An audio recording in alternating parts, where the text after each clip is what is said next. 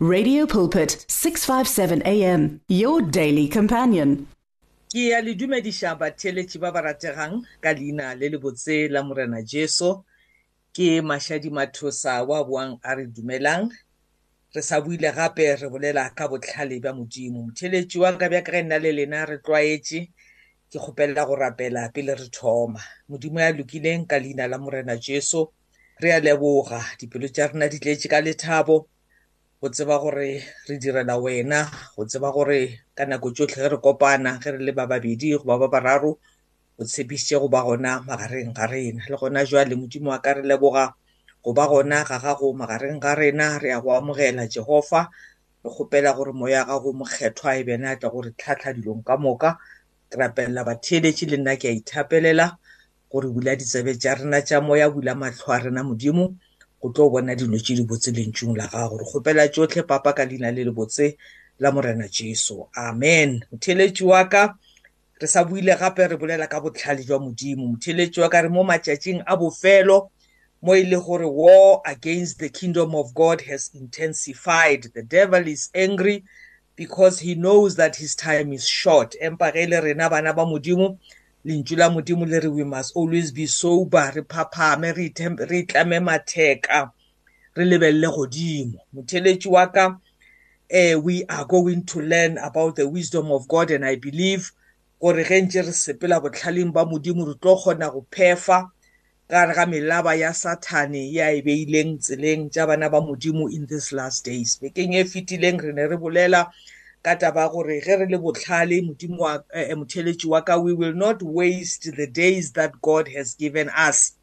Does not matter how many years god has allocated to you to be on this planet as long as you discover god's purposes for your life and you serve your generation according to the will of god. Ke se se leng botlhokwa. Ra bolela ka tafita lentšu la modimo mo go acts chapter 11 verse 36 la re bontšha gore tafita served God's purposes in his own generation before he fell asleep. Ra bona gore se se botlhokwa se taba tša gore na o phetse mengwaga e mekae se segolo ke gore o lemoge or o discover god's purpose for your life and fulfill it. Ra bolela ka kgoši josiah who became king at the age of eight and passed away before he turned 40 mara ra lemoga gore monna o ke monna o e leng gore o ile a dira mošomo o mogolo wa modimo setšhabeng i just want to summarize a little bit some of his works that he did when he was king uh, during that short period in, in the nation of israel. Lentšu la modimo mo le bolela gore in the eighth year ke mo second chronicles chapter 34 e re in the eighth year of his reign while he was still young you know it does not matter how long you live muthelejwaka so this man after being uh, uh, um, enthroned king at the age of 8 years bible in the 8th year of his reign while he was still young he began to seek the god of his father david. In his 12th year he began to purge judah and jerusalem of the high places of asherah poles. Carved idols and cast images. Under his direction, the altars of the Baals were torn down. He cut to pieces the incense altars that were above them and smashed the Asherah poles and the idols and the images. You know? And Obala in the same chapter, more verse 8, in the eighth year of his reign, to purify the land and the temple, he sent Shaphan, son of Azal- Azaliah, and Masiah, the ruler of the city, with Joash, with, with Joe, son of Joash, the, rec- the recorder, to repair the temple of God. You know, this man was young when he took over. There were altars, you know, that were set up to worship foreign gods. He tore down those altars. And also, he started work to repair the temple of God. It's as if he knew that the years that God had allocated to him were short. He walked around the whole country tearing down, you know, evil altars altars to evil gods, to foreign gods that were driving God to jealousy. And he repaired the temple of God. And how we know about Second Kings chapter 23. During his reign, that is where they discovered the book of the law, you know. And the Bible, the king stood by the column and made an agreement with the Lord. He promised to follow the Lord and to obey his commands and the laws of his rules. He promised to do this with all his heart and with all his soul. This is the man who lived a short life. Mara, ka bophelo bo bonnyane bo modimo a bo fileng bona lentswe la modimo le re he promised to do the will of God with all his heart and with all his soul. Bible he promised to obey the agreement written in the book of the law. Eh, this man he he he, he I'm, I'm just quickly summarizing, you know, from the book of Second Kings, chapter 23. He broke down the houses of the male prostitutes who were in the lost temple kana kwe e le gore he became king there were prostitutes theeletša motheletši wa ka bobe bo boneng bo le gona in his generation. Mara monna o he served the purposes of god in his generation bjale ka tafita.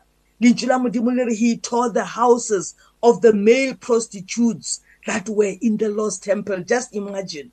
So like ke ne ke boletše gore this is a time of introspection, Mutelechi Waka. Luena, look around where you are in the temples, in the churches where you are serving, things that are not going according to the Lord's will. What is the kind of a contribution that God wants you to make? What will matter at the end of the day is not how long you will live. It's not how long you will be on this planet. What will matter at the end of the day, kitaba ya gore, how discover your purpose for being here. Chase after it and fulfill it bjale ka Tafita. Fulfill it bjale ka Josiah. Le ga o ka tsamaya, o phedile a short life. Se segolo gore you will have impacted your generation. Se segolo gore you will have fulfilled God's purpose for your life. Go ba lentswe la modimo le re, you know, uh, the righteous will never be shaken they will be remembered forever. Impact eo tlabang o e dirile by fulfilling your purpose motheletši wa ka in your lifetime will be remembered forever. Josia be ka ke ke summarize mediro ya gage. He lived a very short life. He died even before he could turn 40 but his legacy remains forever. His works are remembered forever. How he restored true worship in Jerusalem. How he tore down the houses of the male prostitutes that defiled the temple of God. Bible, he broke down those houses. There were women who used those houses you know, and who had set up tents, you know, to honor the false god and Asherah. At that time, the priests did not bring the sacrifices to Jerusalem to, you know, to offer them to the on the Lord's altar in the temple. They lived all over Judah to burn incense and offered sacrifices at the high places in the cities. king josia o ile a di lebelela a bona gore let, let, let me change the circumstances let me change the way things are being done let me tear down all these altars where these false prophets were offering incense to false gods and re-establish worship in Jerusalem. That is what he did. There's a lot that this man did. As I've asked you, to go back and read in second chronicles chapter 34 all of it go back and read in second kings chapter 23 all of it and see the works that this young man did who lived a very short life you know, who died before he could turn 40, but he had revolutionized the life in the whole of Israel. I just want to read la fellow just to summarize eh, eh, eh, bophelo ba gagwe gona in the book of second kings chapter 23 so lentšu la modimo le bolela gore ge le summarize bophelo ba gagwe le re e re there had never been a king like Josiah before. Josiah turned to the Lord with all his heart, with all his soul, and with all his strength. Even no king had followed all the law of Moses like Josiah, and there has never been another king like Josiah since that time. Mutelechuaga, this man fulfilled God's purpose in his own generation. He lived a very short life. He became king at the age of eight and he died before he could become 40. Maralintula Mudimu enthrones him as a king oilinguri agona khoshi before him wa kileng a tshwana le yena wa ileng a thieletsa modimo go tshwana le yena so motheletši wa ka Look at your life. Decide today to embrace the wisdom of God. Bible iri mo Proverbs chapter 9 verse 11. Iri you will live longer because of the wisdom of God. Years will be added to your life. Motheletši wa ka Josia o tlhokofetše before he could turn 40. Mara ka baka la gore a na sepela ka botlhale bja modimo ka baka la gore a ne a discover le gore mathomo a botlhale ke go boifa modimo today i can confidently say the wisdom of god added years to his life Today, I can confidently say, according to Psalm 112, verse 6, he will be remembered forever. Preachers upon preachers generation after generation will always refer back to him. Ba bolela ka bophelo ba gage no matter how short it was. Ke ka mokgwa e leng gore wisdom will add years to your life motheletši wa ka. Ge o ntheleditše lekgonole i don't know how old you are. It does not matter. Lentšu la modimo le re if you embrace this wisdom it will add years to your life. Go tla thwe mafelelong a bophelo ba gago gore monna or mosadi o has made an indelible impact on our generation because you will have fulfilled the purposes of God. Sa mathomo ke taba ya gore fulfill God's purpose in your generation before you fall asleep. There is another example that I want to quote you know from the word of God. Ya go bontšha gore wisdom will add years to your life. If you be if you become wise you know it will be for your own good motheletši wa ka. Morena jesu in the book of matthew chapter 26 verse 13 o bolela ka mosadi ola a ileng a mo tlotša ka oli you know.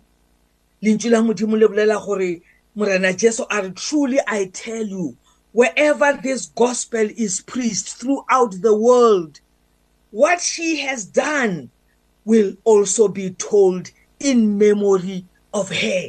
So motheletši wa ka is very important gore tšatši leo sepela let your legacy live on. You know morena jesu a re se mosadi wa se dirile you remember that woman who took a very expensive oil and anointed the lord jesus christ preparing him you know for his burial. Morena jesu re mosadi o that is in matthew chapter 26 verse 13 o truly i tell you wherever this gospel is preached throughout the world what she has done will also be told in memory of her motheletši wa ka it does not matter how long you live as long as you fulfill god's purpose in your generation that is all that matters mosadi wo it does not matter. We don't even want to know how long she lived. Marsesilingona, she fulfilled with that one act of preparing the body of the Lord for burial. She fulfilled God's purpose in her generation before she fell asleep. So my prayer is that may the good Lord give you the wisdom to discover your purpose and make sure you fulfill it in your generation. And in Chila Modimo le re, if you embrace the will the, the wisdom of God you will live longer.